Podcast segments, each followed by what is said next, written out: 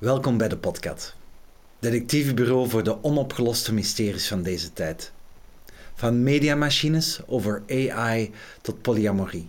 Geen vraagstuk is te complex om zonder handschoenen aan te pakken. Samen met een bijzondere gast bind ik de kat de bel aan. Ik ben Thomas Goorde, je cool cat van dienst, klokluider in het PFAS-schandaal en nieuwsgierig tot op het bot. Schenk jezelf een stevig drankje in, neem je notablok en duik mee het onderzoek in. Voor de eerste aflevering verwelkomen we Karel van den Broek, hoofdredacteur van het toonaangevende onderzoeksmagazine Apache. Samen met Karel verkennen we enkele vreemde affaires in de hedendaagse media en onderzoeken we de invloed ervan op onze maatschappij. Zet je schrap voor een boeiend gesprek vol inzichten en ontdekkingen. Wanneer de kat jaren later aan zijn speurtocht begon, kon hij online niets vinden over onderzoeken rond PFOS Vlaanderen.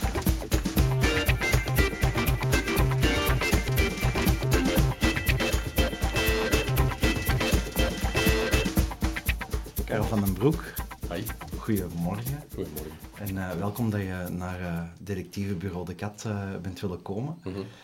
Ehm, ik kan misschien eerst even uitleggen waarom dat ik je uitgenodigd heb. Ja. Eh, eh, je kent mij van eh, hier en daar wat verhalen, wat avonturen. Mhm.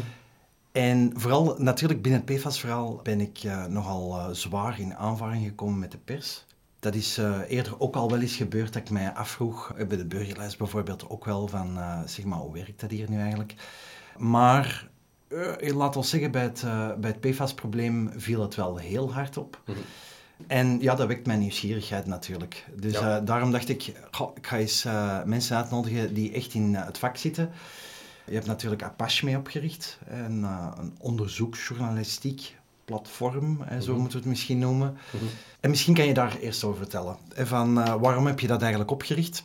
Ja, even voor goede orde, ik, ik was niet bij de oorspronkelijke oprichters. Ik ben pas later aangesloten, maar de, mijn voorgangers, Georges Timmerman en Don Cochet en een aantal anderen, Bram Soufro, degenen die er nu nog zijn, heb ik genoemd.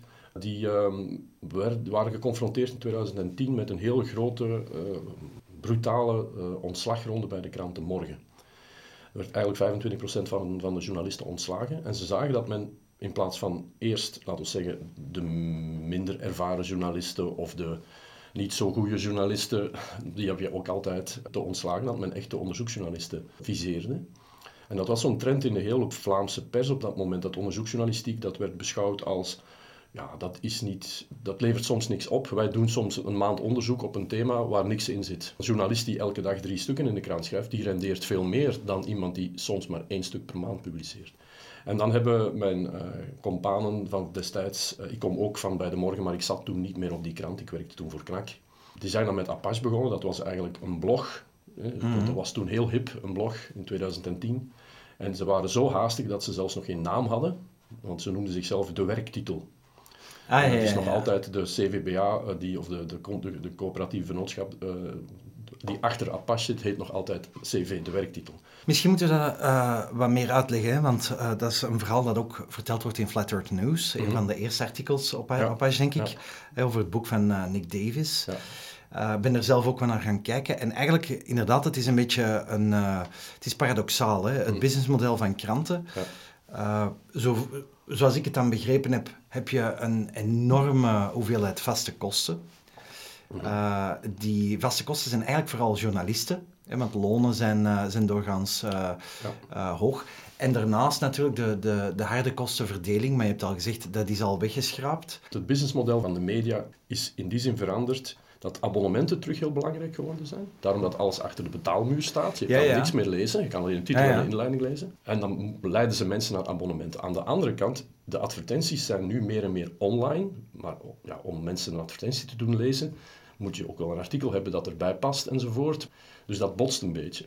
En Ja, dat is eigenlijk de paradox waar ik het dan over wil hebben. Langs de ene kant, het is een, een zakelijke onderneming. Je wil kranten verkopen. Mhm. Dat betekent eigenlijk dat je een krant zo goedkoop mogelijk wil produceren, Mhm. in theorie. Eh, je wil je kosten zo laag mogelijk maken. Maar langs de andere kant zeg je dat eigenlijk het omgekeerde, als je goed nieuws wil brengen, onderzoeksjournalistiek onder andere, ja, dan moet je daar eh, serieus in investeren. Mhm. En dan zie je wel, ja, dat, dat werkt niet goed samen. Dus dan is de vraag een beetje van, hoe lost Apache dat dan op? Wij werken louter met abonnementen. Mm. we hebben ook geen advertentie, dat is in het begin een, een, een duidelijk model. Nu, als je veel abonnementen hebt en mensen dus op een betaalmuur stuiten als ze bij jou moeten komen, ja, dan kan je ook moeilijk voor fatsoenlijke tarieven advertenties verkopen. Want een adverteerder wil natuurlijk een zo breed mogelijk bereik. Wij hebben iets van 6000 abonnees. Ja, als je dan een adverteerder laat vragen, adverteer op onze site, dan kan je moeilijk veel geld vragen. Als je 70, 80, 90.000 lezers hebt, dan gaat dat wel. Bij, bij het advertentiemodel is het, ja, zoals Facebook ons beter kent dan de staatsveiligheid. Hè? Dus ja, weet perfect uh, of je, welke geaardheid je hebt, op welke partij je stemt, welke kleren je graag draagt, waar je graag op vakantie gaat. Die profielen zijn waardevol voor adverteerders. Christian Mantillo heeft gezegd dat hij de Facebook van de lage landen wil zijn wat betreft advertenties. Dus hij beweert dat hij de Nederlanders en de Vlamingen beter kent dan Facebook. Maar natuurlijk, dat wil zeggen dat je de drijfveer... Of de... Wacht, wacht, wacht. Dat wil zeggen dat eigenlijk dat bedrijf actief profielen aan het verzamelen is van... Uiteraard, geanonimiseerd, Vlaanderen als, als geanonimiseerd zo gezegd. En dat, dat zal zo wel zijn. Ja, maar dat is toch een beetje in tegenspraak. Sorry dat ik dat... Ja. Eh, je kan moeilijk zeggen van, we weten precies op wie dat we moeten targeten, zonder te individualiseren.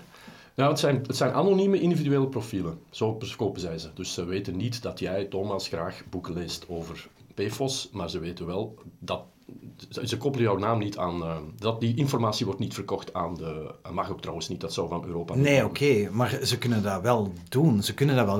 Het is uh, gemakkelijk om te zien aan, aan zo'n profiel. Zou dat natuurlijk kunnen, maar aangezien jij die informatie vrijwillig hebt vrijgegeven, je hebt vrijwillig op hmm. al die dingen geklikt waar die je nooit leest, hè, al die, uh, die disclaimers en noem maar op.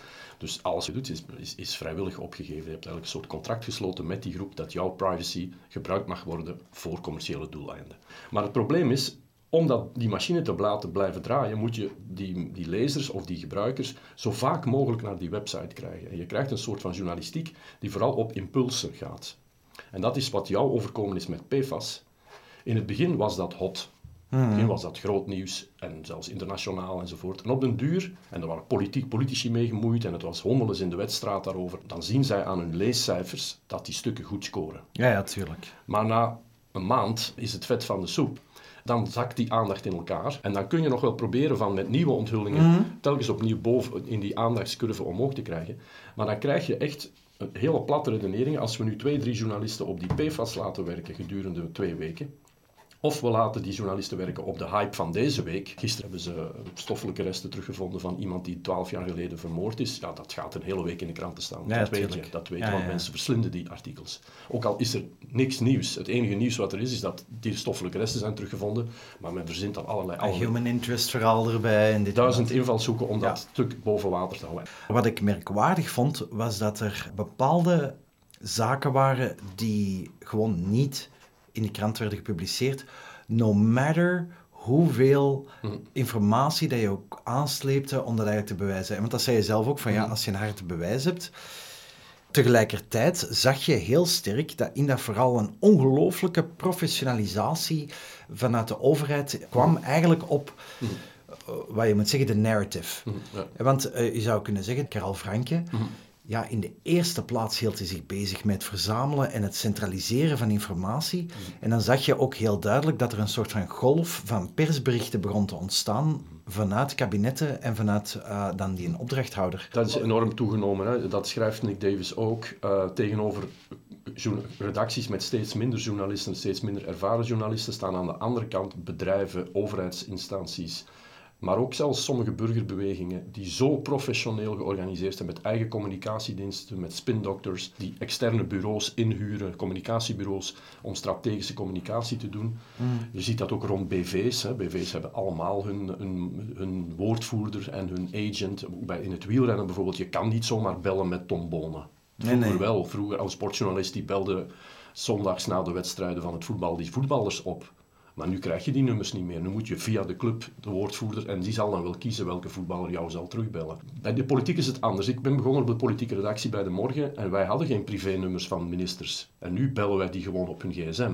Ja, ja, ja. Dat is, in die zin is de politiek veel toegankelijker geworden. Maar aan de andere kant, alles wat een ambtenaar bellen... Als je weet, ik weet, ik ken een ambtenaar op het ministerie die met die materie bezig is. Ik bel die man op en ik vraag, kan je mij dat uitleggen?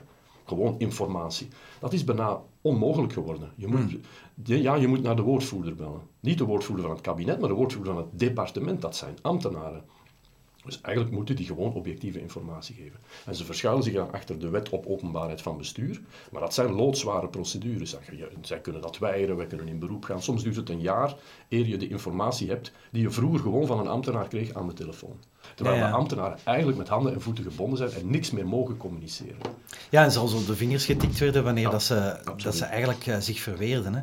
Was uh, nogal een schouwspel op een gegeven moment met... Uh, ja, en ze heeft er ook haar job op verloren uiteindelijk. Hè? Of, of is vroegtijdig op pensioen gegaan. Hè? Topvrouw van, van uh, Ovam, die dan eigenlijk ook vervangen is door iemand uit de industrie. Dus dat was, ja, je zag het inderdaad wel heel sterk. Maar ik wou het nog even hebben over die persberichten. Een van de theorieën dat ik heb is eigenlijk dat het een volumetrisch probleem is. want we hebben gezegd, een krant moet zo goedkoop mogelijk gemaakt worden. Dat betekent dat persberichten eigenlijk de bron zijn van een onbekend percentage van ons dagnieuws. Het meeste, hè. Als je het nieuws, bijvoorbeeld op VRT-nieuws op uh, s'avonds om 7 uur, dat zijn meestal ministers die iets gaan bezoeken. Ja. Diependalen die de, Eiffel, eh, de, de Eiffeltoren, de IJzertoren heeft bezocht omdat die gerenoveerd wordt. Lydia Peters die de parkings langs de autostrade heeft bezocht omdat daar rest, uh, vuil wordt gestort. Minister van Defensie die in een nieuw vliegtuig gaan zitten. Is, dat zijn eigenlijk allemaal PR-organisaties ja, ja. vanuit de overheid zelf. En als, van, als dat vanuit de overheid gaat, dan is het voor de, voor de nieuwsredacties veilig. Maar als het vanuit je moet maar eens proberen om als actiegroep of als oppositiepartij een persconferentie te geven. Er komt al geen hond meer naar persconferenties. Ah, sowieso. Je moet al iets heel spectaculairs doen met, waar, waar eh, de beeldpers beelden kan schieten. Dus je moet uit een helikopter springen of, of gaan diepzee duiken om nog aandacht te krijgen. Want dat doen ze eigenlijk alleen nog voor de televisie. En de televisie moet dan beelden, beelden ja, ja, ja. Het is heel veilig om een persbericht dat vanuit een overheidsinstantie komt, om dat gewoon in de krant te zwieren, want dan weet je dat je geen ruzie hebt. Er zal wel eens iemand van de oppositie bellen. Maar omgekeerd, je moet niet onderschatten welke batterij aan gediplomeerde uh, media-specialisten er op al die kabinetten zitten. Die, de, de, belangrijkste cel op zo'n kabinet is tegenwoordig de communicatiecel, de persdienst. Wij hadden een stuk over de VRT eergisteren, dat er uh, schermgezichten heel veel snabbelen dan word je dus bestookt door die woordvoerder van de VRT dat dat een schande is dat wij dat publiceren, want jullie hebben dat niet over VTM gepubliceerd en waarom viseren jullie ons? En dat is een soort morele druk die wordt gezet. Wat ze... Maar wacht even, je krijgt dan telefoontjes? Of, Uiteraard, ja, natuurlijk, natuurlijk, natuurlijk. Men heeft vooraf ons die informatie niet willen geven, dus we hebben een parlementslid moeten inschakelen om parlementaire vraag te stellen en aan dat parlementslid is de informatie wel gegeven. Dan zeg ik, wat is nu het verschil? Ja, wij zijn geen verantwoording verschuldigd aan journalisten. Als de openbare omroep zegt dat ze geen verantwoording verschuldigd zijn aan journalisten, die professionele journalisten zijn met een beroepskaart en noem maar op, dan zeg je eigenlijk dat de burger niet mag weten wat ze doen, want wij zijn toch maar degene die in naam van burgers vragen stellen.